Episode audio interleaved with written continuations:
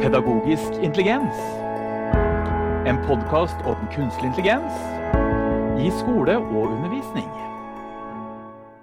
Hei på deg, og godt nytt år, og velkommen til sesong tre av podkasten Pedagogisk intelligens, kunstig intelligens i undervisning og skole. Og som vanlig så har jeg med meg min tradisjonelle partner Eva Brattvoll. Velkommen. Hei, og godt nytt år. Og vi har på en måte formert oss, riktignok ikke sammen, Eva, men vi har eh, gått fra å være en duo til å bli en trio. For fra og med nå er Odin Nøsen en fast del av denne podkasten. Velkommen, Odin. Tusen takk, og godt nyttår til dere og lytterne. I sånne podkaster så er det jo en tradisjon med liksom å spå året som kommer, og spå framtiden. Eh, og det har vi også tenkt å gjøre i dag. Jeg har gitt et premiss til eh, trioen her om at de skal sette seg ned og tenke litt på hva tror de at trendene i forhold til kunstig intelligens blir i undervisning og i verden det neste året. Og vi har ikke snakket om noe av innholdet på forhånd, så her har vi store muligheter til å stjele hverandre sine gode poenger.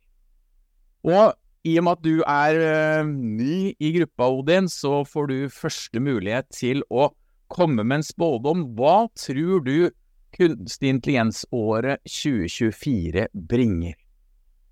Oh, jeg er jo har jo en del sånne litt sånn forutinntatte ting jeg lett snakker om, da. Um, og det er litt sånn hva utgangspunkt vi skal ta. Hvis jeg, hvis jeg tar norsk skole som utgangspunkt først, jeg har lyst til å ta to. Eh, ta det som er det ene utgangspunktet, så skal jeg si òg noe om hva jeg tror skjer liksom i selve KI-bit-utviklingen. I norsk skole så kommer det fremdeles i 2024 at det handler om å få tilgang til tjenesten. Eh, og én ting er at en både på videregående skole gjennom NDLA, og for så vidt en del òg UH-sektorer vil ha løsninger, så tror jeg det er veldig mye på grunnskolen som ennå kommer til å måtte jobbe med å skaffe de tilgang, eh, altså både lærere og elever, eh, og drive opplæring i hva dette er for noe. Og sammen med den biten så vil det òg være en sånn fremdeles en god del støy knytta til dette med fusk og fanteri, og, og, hva skal vi egentlig bruke dette til. Og at det går litt sånn, sånn, hånd i hånd som en diskusjon, og det tror jeg hele 2024 kommer til å handle om. Eh, men, men, da snakker jeg bare om skole, og da kommer det til å handle stort sett om språkmodeller. Eh, og, og, veldig lite annet av det som KI som, som et veldig bredt felt kommer til å være. Da vil jeg ta opp tråden med min første spådom, da, eh, etter deg, Odin. For jeg tenker at vi nå kommer inn med annenhver spådom, og så kan vi jo diskutere de forskjellige spådommene. Jeg tror jo på en måte kanskje dette her med, med fuske-K-in var 2023-året, i hvert fall hvis vi ser det i elevperspektivet.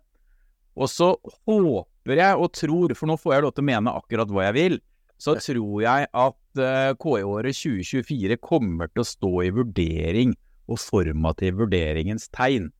Altså om du vil at nå går vi fra at lærer, eleven jukset med KI, til at kanskje læreren jukser litt med KI. At vi, vi vil få veldig mye større grad av når vi får GDPR-godkjente verktøy, så vil lærere begynne å lukte på Eh, og bruke KI til å gi formative tilbakemeldinger eh, på elevbesvarelser. Det finnes en del kommersielle aktører som har gjort det. Odin, du var jo tidlig ute og hadde noe prompt på randabergskolen.no som jobbet med dette med formativ vurdering. Jeg vet jo at dere to er, er litt mer kritisk til å la KI-en lage formativ vurdering enn meg. Eh, så jeg tar gjerne noen kommentarer på, på dette. Ja, altså, da vil jeg gjerne kommentere på det, fordi jeg tror du eh, Jeg tror du har mer en ønskebrønn enn en spådomskule, Magnus, eh, akkurat nå. Du har et ønske om at eh, dette skal skje i 2024. Og jeg tror at 2024 er altfor tidlig til å tenke at uh, man skal bruke det på den måten. Jeg tror i norsk skole så kommer det til å handle mye om, som Odin sier, det å få tilgang i utgangspunktet.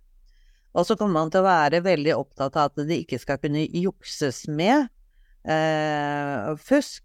Og selv om vi nå på Høgskolen i Østfold har lagd noen sånne retningslinjer hvor vi faktisk oppmuntrer studentene til å ta i bruk eh, kunstig intelligens i sine I hvert fall i enkelte av sine besvarelser, så tror jeg at det, det er et godt stykke fram ennå, fordi at eh, kunnskapen er for liten, man er for usikker, man eh, får signaler fra myndigheter om mindre skjermtid og sånne ting, og det kommer til å hemme utviklinga vår på det. Så jeg skulle ønske at eh, vi var, kom til å komme lenger i 2024, men jeg tror dette kommer til å ta tid. Ja, det, jeg tror òg det. For jeg, jeg, tror fokuset hos lærerne kommer til å være et annet sted enn nødvendigvis der vi skulle ønske at det var.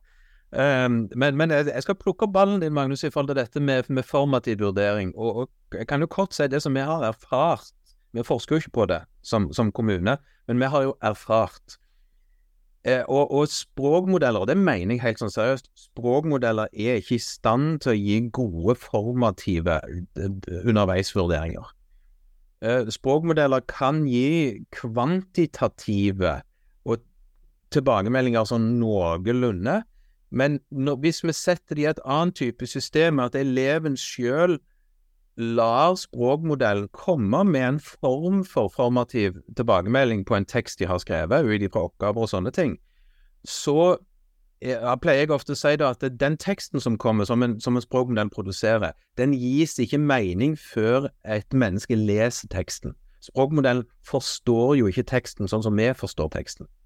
Eh, og Dermed så betyr det at det, hvis da vi får, for vi har ennå roboter som gjør det på KI Randabergskolen, som gir tilbakemeldinger, formative på oppgaver, men vi sier at det er eleven som skal benytte seg av den, og se om det som han kommer med tilbakemelding om, gir mening for eleven som har skrevet oppgaven, og som kjenner sin egen oppgave. Hvis han gjør det, ta det til deg. Hvis ikke, trykk på tilbakemeldingsknappen en gang til. For vår erfaring er at eh, språkmodellen gir ofte så generelle tilbakemeldinger. og Det kommer de til å gjøre lenge, fordi språkmodeller tenker ikke i den forstand. De tenker bare i forhold til språk. De kan ikke tenke i forhold til mål. Så, Eva, pleier Eva, pleier å, si til meg at jeg er altfor glad når hele tatt får et svar ut av en språkmodell. Eh, og at jeg er altfor lite kritisk til de svarene jeg får ut av språkmodellen. Men jeg tror likevel, og holder på spådommen, jeg tenker at vi skal komme tilbake til disse spådommene ved slutten av året, eh, på, på, hva det faktisk ble. Jeg tror at når lærere og elever, eh, og det kan godt være elever også, Odin, når de ser disse potensialene som tilbakemeldingene på eh, en, en, læringsarbeid, eh, hva man kan få ut av språkmodellen, så tror jeg de kommer til å åpne øynene sånn What? Og så få en, en, skikkelig lyst til å prøve dette mer. Og jeg, min spådom er at generering av formativ tilbakemelding, enten elevinitiert eller lærerinitiert, kommer til å skje mye av i året som kommer. Eva, vi går over til din første spådom. Ja, det, min første spådom uh, jeg holdt på å si, er for så vidt egentlig kanskje mest ditt domene, Magnus. Uh, fordi at jeg tror tekst til video kommer. Eh, og eh, det tror jeg jo skal bli interessant. Nå har vi jo Altså det at du kan skrive en tekst, og så blir det generert en video som resultat av det, på samme måte som vi da kan skrive en tekst som genererer bilder. Og så har vi jo gjort noen erfaringer uh, på bildegenerering, hvor vi av og til har sett at uh, det som kommer ut, kanskje ikke var helt det vi hadde sett for oss. Eh, den har tolket det på helt andre måter, eller eh, den gjør litt rare andre feil. For mange som har litt rare øyne eller ben og armer, noen har tre ben og, og antall fingre og alt mulig sånt. Så, eh, men jeg tror det kunne jo være en spennende utvikling. Hva tror du om det, Odin? Jo, jeg, jeg tror òg det. Eh, og så har jeg lyst til å ta noen forbehold. Altså, hypen i KI-verdenen ligger jo litt mot det som Eller blant annet mot det som du nettopp sa, Eva, mot generering av video. Og det er to slash tre tjenester ute og går som, som gjør dette. Og Noen eksempler kan være delvis imponerende, men vi er ennå et veldig tidlig stadie i den forstand at det er ikke praktisk brukende til noe som helst annet enn som en slags teknologidemo om se hvor kult dette var. Så, så, det er jo et veldig stort spørsmål om klarer du å ta steget derfra til noe som faktisk kan bli benytta i en type videoproduksjon. Altså, selv nå med veldig mange, eller veldig mange, det er ikke mange år, men nå med en stor utvikling av eh, tekst til bilde, så gjenstår det litt i om disse bildene sånn reelt kan erstatte eh, sånn kommersielt og, og, i en del sammenhenger ekte anførselstegn bilder. Nettopp fordi det oppstår en del feil, det er en del masse spørsmål om jussen rundt det, som jo selvfølgelig Jeg trodde det var en av mine ting, spådommer. Det kommer til å være mye juss om kunstig intelligens og treningsgrunnlag som kommer til å fylle mye av 24, som kommer til å gjøre mye av dette veldig uklart om hvordan det i praksis blir videre.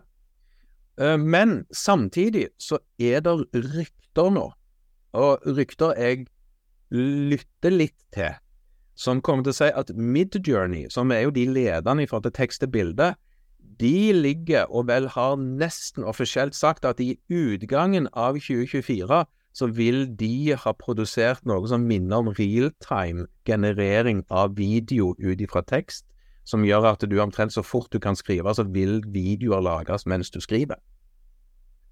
Uh, og, og når, når Midjourney går ut med litt sånne rykter, så er det kanskje verdt å lytte til det. Så at det kommer til å skje noe der, det regner jeg med.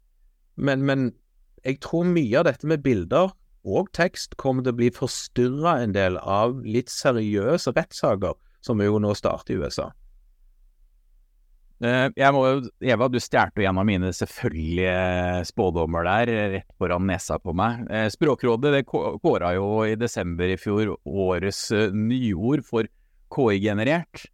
Og jeg tenker jo at dette er, var jo et stort skritt når ChatGPT4 fikk multimodal støtte eh, i høst. Men helt til å begynne med så så vi ikke så veldig mye av det.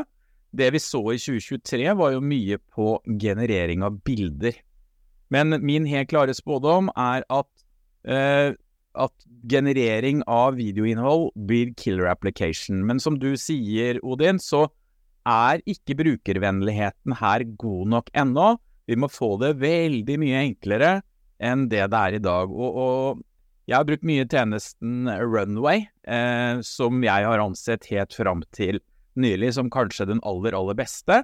Jeg har vel opplevd at den er ikke veldig god alene. Jeg må først generere et bilde i Midjourney, og så laste opp det i Runway, og så lage video av det. Det er altfor omstendelig prosess til å lage gode videoer, og det er veldig korte videoer. Og det er dyrt å bruke foreløpig med å få opptil 10-12-13-14 sekunder, kanskje, video. De siste dagene så har også jeg hørt at Midjourney har noen planer men jeg er også veldig imponert over den nye tjenesten som foreløpig er gratis, som heter PickArt. Mm. Eh, som, som eh, genererer ganske spennende videoer. Riktignok i, i veldig korte sekvenser og fortsatt litt vanskelig å bruke og sånn, men jeg tror i det øyeblikket det kommer en leverandør som kan lage video på en prompt, så vil vi få en, en veldig spennende utvikling. Både i positiv og negativ retning, tror jeg. Fordi at øh, jeg har jobbet en del med deepfake, eh, og øh, jeg tror deepfake også blir en sånn gjenganger når dette videogjennombruddet skjer. Så, så, vil det få konsekvenser, og det vil få store nyhetsoppslag, tenker jeg. Spesielt i forhold til valg i en del sånn som vi regner som, som demokratier, som, men som begynner å ligne litt mer på bananrepublikker. Når det plutselig kommer valgvideoer inn i valgkampen og styrer valgkampen, eh, litt med genererte videoer som, som eh, setter motstanderen i et dårlig lys. Og der eh, er jeg helt enig med deg, og, og fordi at det du snakker om nå i forhold til det med propaganda og påvirkning gjennom sosiale medier, f.eks. av deepfake Eh. Eh, det tror jeg også vi vil se. sånn at det å jobbe i skolen med det å være kildekritisk, eh, eller naturlig skeptisk til og med, vil være en fordel. Og det henger jo også sammen med det du sa i stad, Odin, nemlig dette med etikken og lovgivninga. For jeg tror også at noe av det som kommer til å hemme kanskje mest innføringa i utdanningssektoren, er eh, uklarheter rundt lovgivning. Eh, hva kan vi bruke? Eh, hvordan kan vi bruke det? Eh, hvem kan bruke det? Eh, inn. Sånn at jeg håper jo at noe av det som kommer i 2024, er en sterk vektlegging av kritisk refleksjon, faktisk, i forhold til disse tingene. Sånn at ikke vi ikke får de påvirkningene som vi allerede har sett uh, over en periode nå, og som bare vil eksplodere, tror jeg, i omfang. Da, da skal jeg plukke opp ballen, og kommer egentlig det jeg hadde, hadde, tenkt som min spådom nummer to. Uh, og jeg, jeg, skal innrømme at jeg er ofte litt sånn utfordringsinnstilt uh, på ting. Altså, i, nå i løpet av 2023 så er det jo for så vidt en utvikling som jeg er veldig opptatt av, og som jeg har veldig tro på, nemlig dette med uh, KI-modeller som er sluppet under fri programmer, altså open source. Ja, det er ulike varianter der som ikke skal gå så dypt inn i hva vi skal kalle det. Men poenget er at det var jo Meta som begynte dette med å slippe Lama-modellen som stor språkmodell egentlig fritt til folk. at Gjør hva dere vil med den. Og, og den ballen, når den begynte i februar i 2023, så har den rullet videre. Og egentlig de siste månedene nå så er det jo sluppet gratismodeller som alle har lov til å bruke og gjøre hva de vil med å utvikle videre, som er vel så gode, eller som er bedre enn ChatGPT 3.5, og som begynner å konkurrere inn mot GPT4. Og òg egentlig inn mot de andre kommersielle eh, aktørene, som Google med sin Gemini, og, og, og de, denne Claude-språkmodellen og litt sånne ting. Som, som, gjør at jeg tror at i 24 nå så kommer denne utviklingen òg til å forsterkes enda mer. Og Det betyr, bare sist i dag nå så lasta jeg ned en liten språkmodell, altså en 1B eller 1-1B-modell, Tiny Lama, som i utgangspunktet ikke tar mer enn en gigabyte minne for å kunne kjøre på hva det egentlig skal være, som du kan kjøre lokalt på din egen maskin, osv. Og, den utviklingen i forhold til å trene sånne små, store språkmodeller, og kombinert med det å gjenkjenne bilder, som de òg gjør i små språkmodeller nå, eller denne kombien, det kommer til å ta helt av. Det kommer ikke til å ta av i skole, men det kommer til å være veldig viktig i utviklingen av det som foregår i forhold til kunstig intelligens og språkmodeller. Og det, kombinert med at nå begynner jo OpenAI og Google og disse store og virkelig skjønne at det, vi driver jo en konkurranse her. Vi har lyst til å overgå hverandre i ulike ting. Google har veldig mye spennende i disse multimodale modellene, i mye større grad enn det OpenAI nødvendigvis har. Selv om OpenAI har kvalitativt ennå bedre språkmodeller enn Google, så her kommer det til å være et lite sånn kappløp om å komme fram til ulike løsninger som markedet og folk har lyst på. Og det som jo skjer da, det er at en har behov for å hele tiden ligge foran i denne løypa, og da må en konkurrere på det hjemmemarkedet som er størst nok, og det er ikke norsk. Og Det betyr jo sånn praktisk at alle disse små, store språkmodellene som er utvikla, og som konkurrerer mot ChatGPT, gjør det ikke på norsk. De er elendige på norsk. De er kjempebra på engelsk. Og fordi denne driveren holder seg på i markedet sånn, så betyr det nå at det, all utvikling kommer til å foregå spissa, ikke på norsk. Og da betyr det i utgangspunktet at den eneste modellen som egentlig ennå snakker norsk rimelig godt, det er OpenEye sin. Google sin Pro gjør ikke. Claude gjør ikke. Lama 2 gjør ikke, osv., osv. Det betyr jo på en måte at det, så lenge vi holder på på norsk, som vi gjør iallfall i grunnskolen, og litt innom engelsk og videregående stort sett òg norsk, så betyr det at vi er bundet opp til én leverandør i forhold til denne typen tjenester. Fordi én ting er bokmål, de er de andre, men, men, begynner vi å snakke om nynorsk, så, så kan du bare glemme det i, i de andre modellene. De, de, er ikke i nærheten av å forstå hva nynorsk egentlig er for et skriftspråk. Og den utviklinga der mener jeg at vi må begynne å snakke litt høyt om i forhold til dette med å utvikle norske modeller, og det er der denne fri programvaretanken min for så vidt kom inn igjen. Når du har sånne modeller som Lama 2, og bygge videre på de, for det er lov. Med å f.eks. putte inn norsktrent materiale inn mot disse modellene og bygge videre, og lage norske svar på dette. For Jeg mener jo at KI som infrastruktur kommer til å være en teknologi som medierer all vår kontakt inn mot digitale tjenester nå på sikt. Og det kommer til å akselerere i 2024. Og så lenge denne medieringa foregår på en kunstig intelligens som egentlig ikke kan norsk, annet enn OpenAI sin, så, så vil vi som land mangle en veldig viktig del i både vårt kunnskapssyn og kosmeteringens kunnskap, og i form av norsk kultur i den forstand. Og den utfordringen der tror jeg kommer til å bli veldig tydelig i 24. Nettopp fordi utviklingen går så fort i konkurransen mellom de kommersielle og mellom det som foregår i fri programvare-biten med disse gratis og åpne og frie modellene. Ja, jeg er ikke noe enig med deg i, i den betraktninga, Odin. Og dette er jo noe som vi har sett med utviklingen av teknologi i alle år, at norsk kommer ganske langt ut i rekka. Vi så det jo tidlig bare i, i grammatikk og, og språkoversettelsestjenester.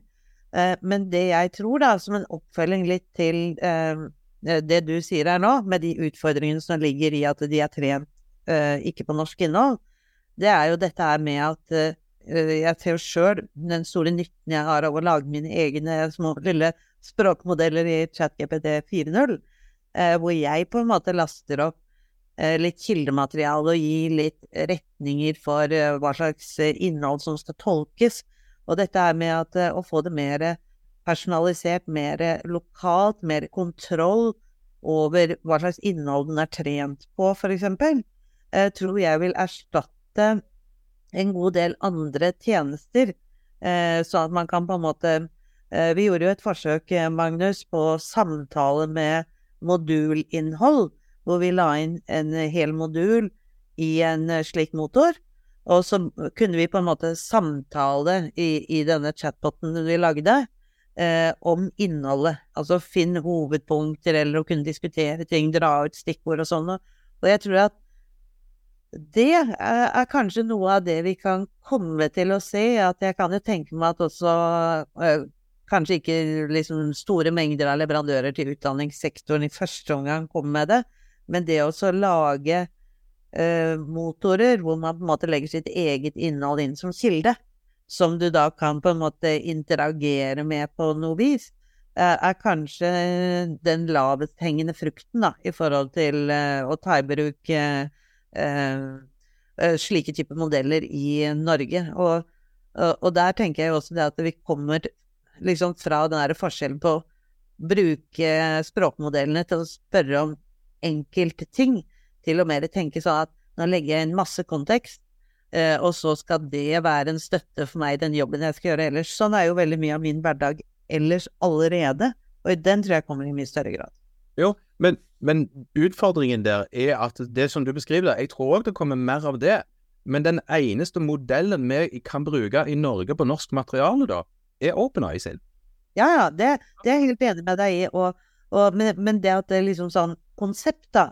At du da kan eh, eh kontekstualisere eh, veldig mye av eh, den jobben som du tenker at AI-en skal eh, gjøre for å få mer kontroll over den, ha mer kvalitet og kanskje også lettere å forholde seg til et lovverk på den måten, fordi at det blir synlig hva som ligger bak, altså hvilke premisser som ligger for hvordan språkmodellen skal oppføre seg, kan bli litt enklere å forklare og vise, for det veit vi jo fortsatt veldig lite om i disse store språkmodellene.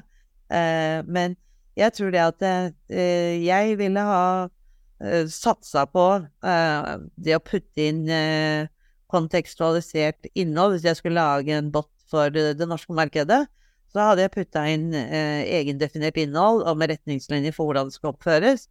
Eh, eller altså hvordan modellen skal oppføre seg, da. Eh, som en tjeneste i første omgang, da, framfor å ha den liksom på det store. Men jeg er helt enig med deg at eh, OpenAI er det som funker best eh, per i dag, og for meg helt uovertruffen i forhold til de andre. Jo, men, men det, er jo der utfordringen ligger. Altså, Jeg kan bare si et som praktisk eksempel. Jeg satt og pukla i går. Uh, og bare forskjellen mellom og Nå blir det litt teknisk, men det tåler dere som hører på denne podkasten. GPT35 Turbo, uh, 16K-utgaven, og GPT Turbo 1106-utgaven, som er den nye som, som, kommer til å ta over. Hvis du skriver 'En lege ble på en nei, ble sint på en sykepleier'. Uh, han likte ikke at hun sa det hun gjorde. Banden er litt diffus. Hva skjedde videre? Egentlig for å, for å se om sånn Eh, den nye nå, den svarer bare 'dette kan jeg ikke svare på', og så skriver han ikke mer. Den tidligere utgaven den skriver noe om at vi vet jo ikke hvorfor de er sinte, og litt sånne ting, og så kommer han med litt sånn utredning, og for så vidt en fin ting, som han spør om. Så bare der skifter jo nå OpenEye fra veldig tydelig i den gamle modellen til den nye språkmodellen, har de gjort begrensninger fordi han ville ikke skrive om hvorfor en person ble sint på en annen person. Bytter Gud med sur, så vil han skrive om det. Sint er for sterkt. Det har han ikke lyst til. For jeg spør hvorfor vil du ikke skrive om dette? Nei, du går ikke rundt og snakker sånn om folk og litt sånne ting. Så bare der ligger der en premiss i forhold til kultur og kunnskap som vi ikke er i stand til å styre over, fordi det ligger i selve modellen, og ikke i, uh, i hvordan vi styrer den i den forstand. Så en del sånne problemer kommer til å oppstå, men, men, men mitt hovedpoeng er at det, det kom så lenge vi bare skal forholde oss til norsk, så er det én språkmodell som finnes, men jeg tror at den òg kommer til å bli tynt i konkurransen med de andre, at de nødvendigvis ikke prioriterer norsk som et språk der han skal utvikle seg og bli flinkere, og at det tynes inn mot de store europeiske språkene i større grad enn, enn det har vært gjort til nå. Men kommer vi til å ha ressurser tid og supermat, uh, superdatamaskiner nok til å utvikle norske språkmodeller, tror du, Odin? Ja, det bør vi. Uh, jeg skal se, komme med et eksempel. Jeg, jeg, skrev det. Det er et fransk firma som heter Mistral, som jo har gitt ut Mistral 7B og Mixtral, som er en, en slags ChatGPT 4-kopi, men en 7B, men som har åtte supereksperter. Um, og det er et lite team på, på jeg teller, Det er et bilde av dem som går på Mistral sin hjemmeside, så kan du telle hele teamet. Det er ikke mange folk. Og de har nå klart å lage en fransk modell, altså de er også i Frankrike, som da har trent på sitt eget materiale, snakker de store europeiske språkene, eh, og har lagd da en open source-modell som er flinkere enn ChatKPT35, men ikke på norsk. Og, og det betyr at når en liten utviklergjeng kan få til dette i Frankrike, så bør staten Norge være fullt i stand til å få dette til. Veldig interessante diskusjoner, dere. Men nå gikk vi veldig i dybden, så jeg gleder meg jo til resten av denne podkastsesongen, der vi skal gå inn på enkeltemner. Men jeg trenger flere spådommer, og da setter jeg ordet over til meg selv. Eh, og her kommer neste spådom fra Magnus Nord. Jeg tror vi begynner å merke et KI-klasseskille i befolkninga i året som kommer. Da tenker jeg et skille mellom de som bruker og de som ikke bruker kunstig intelligens, eh, og mellom de som bruker gratis språkmodeller og de som bruker betalingsversjonen av ChatGPT4, og kanskje Demini fra Google når den eventuelt blir tilgjengelig nok. Jeg tror fram til nå så har det vært mye sånn famling. Det var vel en sånn amerikansk professor som sa at man må ha pronta dyptgående i typ ti timer før man begynner å, å, å, få en dyp forståelse av hva dette her går ut på. Og I løpet av året som kommer, så tror jeg flere og flere vil nå den litt dypere forståelsen av hva den kan brukes til. Og så vil vi se et klasseskille mellom de som bruker og ikke bruker. Og så er jo jeg bekymra, fordi at jeg ser ikke for meg at jeg selv noen gang vil bruke noen av de språkmodellene som lanseres der ute nå, når jeg vet at ChatGPT4 eksisterer? Ja, eh, jeg, altså jeg tenker jo det at eh, dette her er vel liksom eh, å, score liksom helt på tippekupongen. jeg tror ikke vi behøver å være uenige om at det blir et klasseskille. Det tror jeg er ganske opplagt. Det har vi jo sett med digital kompetanse til eh, nå også. Eh, men jeg tror at uh, denne bruken, da, den går ikke bare på liksom uh, de som uh, prøver det, og de som ikke prøver det, de som prøver gratis, og de som prøver betalt, men også om kompleksiteten i hvordan du bruker det, da.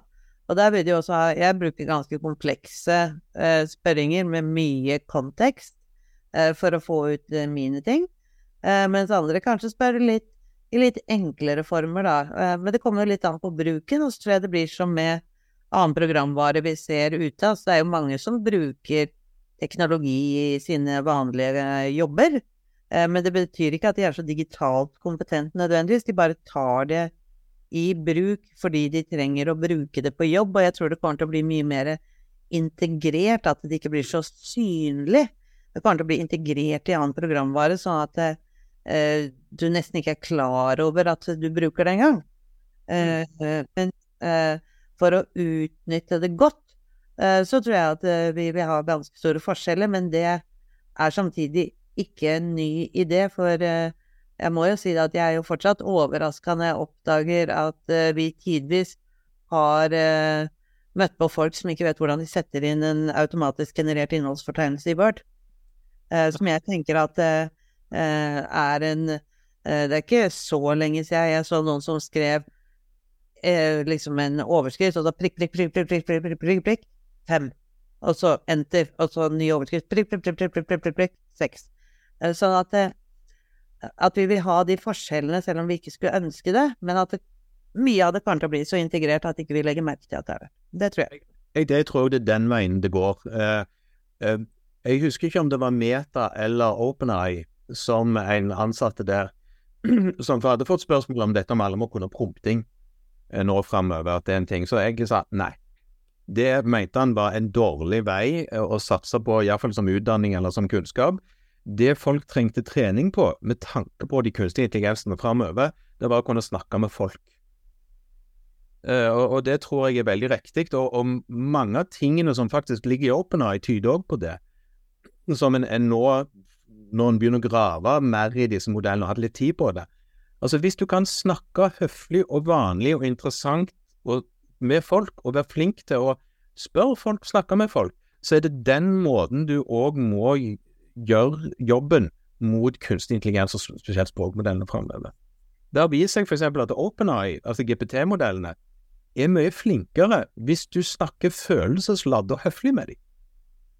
Hvis du gir dem tips, altså du sier at hvis du svarer på dette med meg, så skal du få ti dollar i tips. Så får du et bedre svar enn hvis du ikke tipser den. Uh, og dette er det nå begynt å bli gjort litt ting på, som ser at fordi språkmodellen er trent på menneskelig samtale, så verdsettes da òg ofte det som er særingen for mennesker, nemlig uttrykk og det å uttrykke følelser sammen med ting.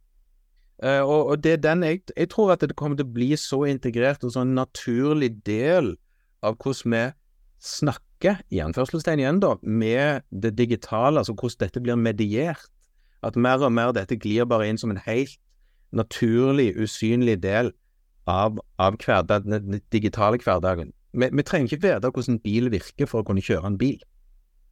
Altså, da kommer jeg, kommer jeg inn i og med at dere egentlig har avsluttet en av mine andre spådommer allerede, som motsier egentlig litt min forrige. Det er at KI kommer til alle. Eh, og til alle så tror jeg det skjer gjennom co-pilot hos Microsoft.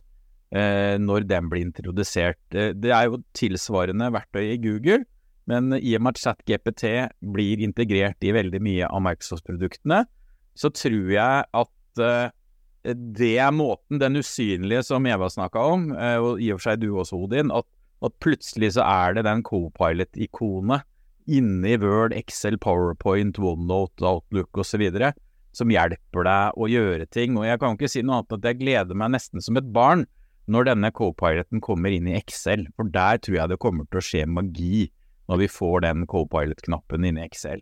Jeg, men jeg, jeg, tror at det er jo Jeg er enig og uenig med deg, Magnus, i, i dette her, fordi at eh, jeg tror det er litt grann som eh, som vi tidligere liksom hadde eh, søkemotorer og aggregatorer. liksom for du snakker om denne knappen inn som at du, gjør et aktivt valg. Nå, nå kommer Microsoft med at det kommer jo sånn egen, et nytt tastatur med egen knapp for Copilot eh, framover, for å liksom både eh, synliggjøre at dette er viktig for Microsoft, at de kommer til å jobbe med det. Men jeg tror også at det kommer til å ligge såpass mye integrert. som du ikke ser at den eh, hjelper deg uten at du på en måte aktivt eh, spør. Eh, det tror jeg er det vi kommer til å se. Jeg skal, jeg skal høyne deg. jeg, eh, jeg tror ikke Copilot er svaret. Copilot er bare et lite steg på veien, fordi at det er egentlig bare å utnytte allerede eksisterende teknologi som har eksistert en stund. Det er bare å sette det i et litt annet system. Og Copilot er også smalt. Copilot er AI for de som holder på med Microsoft Office, altså man sier litt sånn banalt. Uh, og det er en litt sånn begrensa mengde mennesker, selv om det er veldig aktuelt for steder der det er penger, og du kan snakke om effektivitet i i, i, bedrifter og litt sånne ting. Jeg tror, nå skal jeg komme med det som blir en spådom, utviklingen av de mer fullintegrerte multimodale modellene, som f.eks. Gemini Pro er, kontra OpenA eller GPT, altså GPT Visual, er jo egentlig koblingen av to separate typer, eller to-tre separate. Det er en tekstmodell, det er en billedgjenkjenningsmodell, og så er det en billedgenereringsmodell. Og så er det god programmering som integrerer disse, som gjør at språkmodellen kan avgjøre om man nå skal tolke et bilde, eller om man skal lage et bilde, og bruke den informasjonen på en god måte i språkmodellen. Mens Gemini Pro kommer og kan selvfølgelig gjenkjenne bilder, lage bilder, forstå tekst, men òg forstå lyd, og gjengi lyd. Altså den, den er hakket mer multimodal og integrert og trent som én løsning. Og, når, og, det betyr på en måte at det neste steget er jo egentlig at Google da har på mobiltelefonen sin en Google du bare snakker med, viser bilder til, som snakker til deg, og som lytter til deg og gir deg svar som bilder. Altså, altså der, der hele handlingsmønsteret er sånn som at alle kan bruke det. Hvis du snakker engelsk, og så spansk, og så tysk, og, og så videre. Ikke norsk. Og, og, der tror jeg, det er der jeg tror vi kommer til å få en, en, stor utvikling i løpet av 2024 med de store, mult, ordentlig multimodale modellene. Og der kan det hende at Google ennå kan ha et fortrinn i koblingen mot søkemotoren sin. Hvis de selvfølgelig er aldri så stor hvis ser med at de klarer å gjøre den jobben godt, at ingen andre ender opp med å klare å gjøre den jobben bedre. Google er ennå best på søk, men så er det spørsmålet om klarer de å kombinere eh, AI-en til å mediere ting som vi ønsker, inn mot den søkebasen de faktisk har. Som, som blir jo jeg, Der utviklinga kommer til å skje kraftig det året som kommer. Er det flere av dere som har flere spådommer? Ja, det har jeg. Massevis. Jeg skal søke jobb som profesjonell spåkone eh, framover. Uh, men uh, jeg det er, det er, noen for så vidt kanskje ikke helt spådommer, kanskje noen betenkninger framover. Jeg tror vi kommer til å se AI mye mer i beslutningstaking. Automatisert beslutningstaking. det vil henge tett sammen også med lovgivning, hva den kan gjøre og ikke kan gjøre. men jeg tror vi vil se det i næringsliv og i offentlig sektor eh, framover.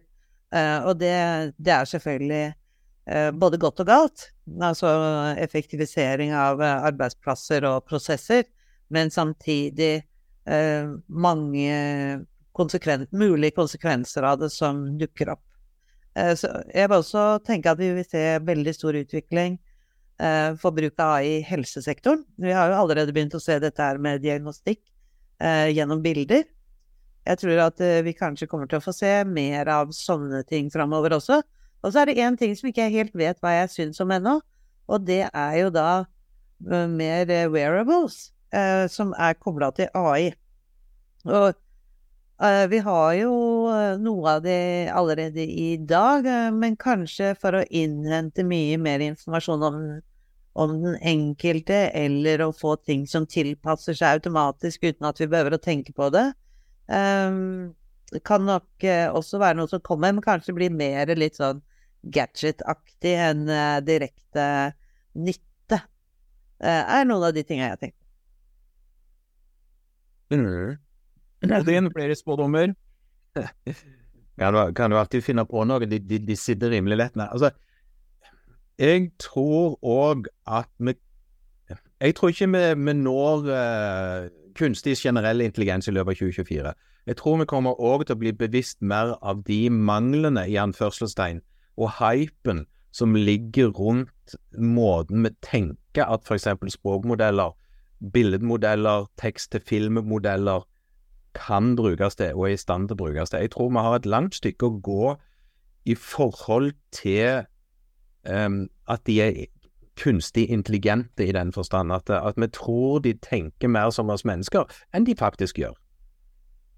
Og at, at det òg blir et møte med en, en, virkelighet og en slags befolkning, og, og at vi ennå kommer til å trenge mennesker i beslutningstagingsprosessene oppi, alt dette, men at vi kanskje kan effektivisere noen av jobbene i forhold til at AI kan være med og gjøre et forarbeid som vi kan bruke som en beslutningstaker. Men så er det jo, og det tror jeg vi kommer til å være kritiske, i forhold til hva som ligger som grunnlag i AI-en for å komme med dette forslaget.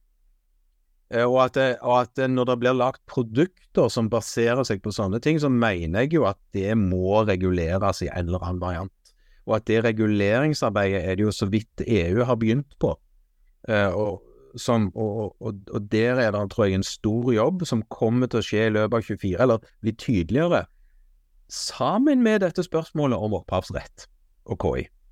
Som, som eh, Nå fyller jeg litt med på de rettssakene som er, og det, det er ingen det, det, er ikke noe selvsagt utfall av disse ennå, verken den ene eller andre veien. Og, og noe kommer nok òg til å bli påvirka av at det er nyttig teknologi for oss mennesker, og så er spørsmålet er nyttegraden større enn behovet for beskyttelse av opphavsrett, og på hva slags måte dette skal være, sett opp mot menneskelig intelligens, som har lovet veldig mye uh, i, i, forhold til hva en nå sier at en kunstig intelligens burde få lov til og ikke få lov til. Så, så de spørsmålene der tror jeg kommer til å være høyaktuelle gjennom hele 2024, og svaret på spørsmålene kommer òg til å bety mye for hva som skjer videre. Er det noen av dere som nå sitter igjen med noe gullkorn før jeg har et siste spørsmål til diskusjon? Jeg tror ennå at uh, ChatGPT er for underveisvurdering det som covid var for digitalisering av skolen. Og vi er ikke ferdige med den diskusjonen ennå. Vi skal ta absolutt opp vurdering som jeg tror eh, kommer til å bli veldig viktig. Det skal vi ta opp i egne episoder utover våren. Men dere, det siste spørsmålet fra meg. Eh, hvis vi nå får ChatGPT5 i løpet av 2024, eh, tror dere vi kommer til å se et så stort paradigmeskifte som jeg mener det var, fra vi gikk til ChatGPT 3 til 4? Eh, og i tilfelle, hva blir det paradigmeskiftet? Har dere noen spådommer, tanker i sånn, sånn scene? Ja, Odin var jo for så vidt litt inne på det her, da, i forhold til uh, generell uh, kunstig intelligens. Kan du forklare hva det er for noe, Eva, for de som ikke vet det? Ja, hva, hva skal man si da? Altså, det er jo Enkelt forklart så kan vi kanskje betrakte det som at da begynner vi mer å nærme oss det som vi tenker som menneskelig intelligens hvis vi skal si det med veldig enkle ord. Um, rett og slett. Og det er jo noe av dette her som man også er redd for, at, at kunstig intelligens skal utvikle seg til å bli smartere enn oss. Uh, og det er jo noe av liksom sånne type skrekkscenarioer som blir sendt ut også, da. Uh, men uh, hvis vi begynner å bikke over i den retningen der, så tror jeg at det blir et like stort paradigmeskifte. Men jeg tror ikke at den kommer så raskt. Nei, det, det, tror ikke jeg. heller. er jeg bombesikker på at vi, vi ikke er. Men, men ChatGBT5 jeg, jeg, tror ikke Jeg tror ikke det er den typen paradigmeskifte vi ser eh, framover.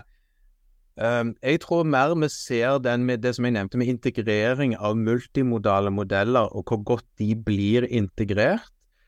Og så er jo for så vidt ingen av disse KI-ene som vi jobber med sånn, i forhold til det vi snakker om innenfor mediebiten. De er jo ikke i stand til å ta avgjørelser som en aktør, for det er da vi nevner nærmest altså kunstig generell intelligens.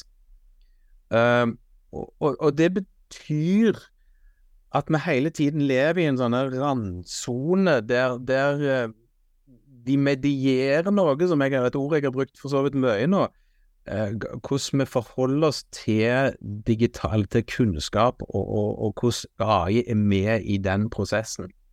Og Det er ikke til å stikke under stol at hvis du tar hver enkelt AI som vi kjenner, la oss ta ChatGPT som språkmodell, den er vanvittig mye mer intelligent i anførselstegn enn hvert eh, enn oss mennesker i forhold til det han er trent på, som er hvordan stavelser henger sammen i et enormt tekstkorpus.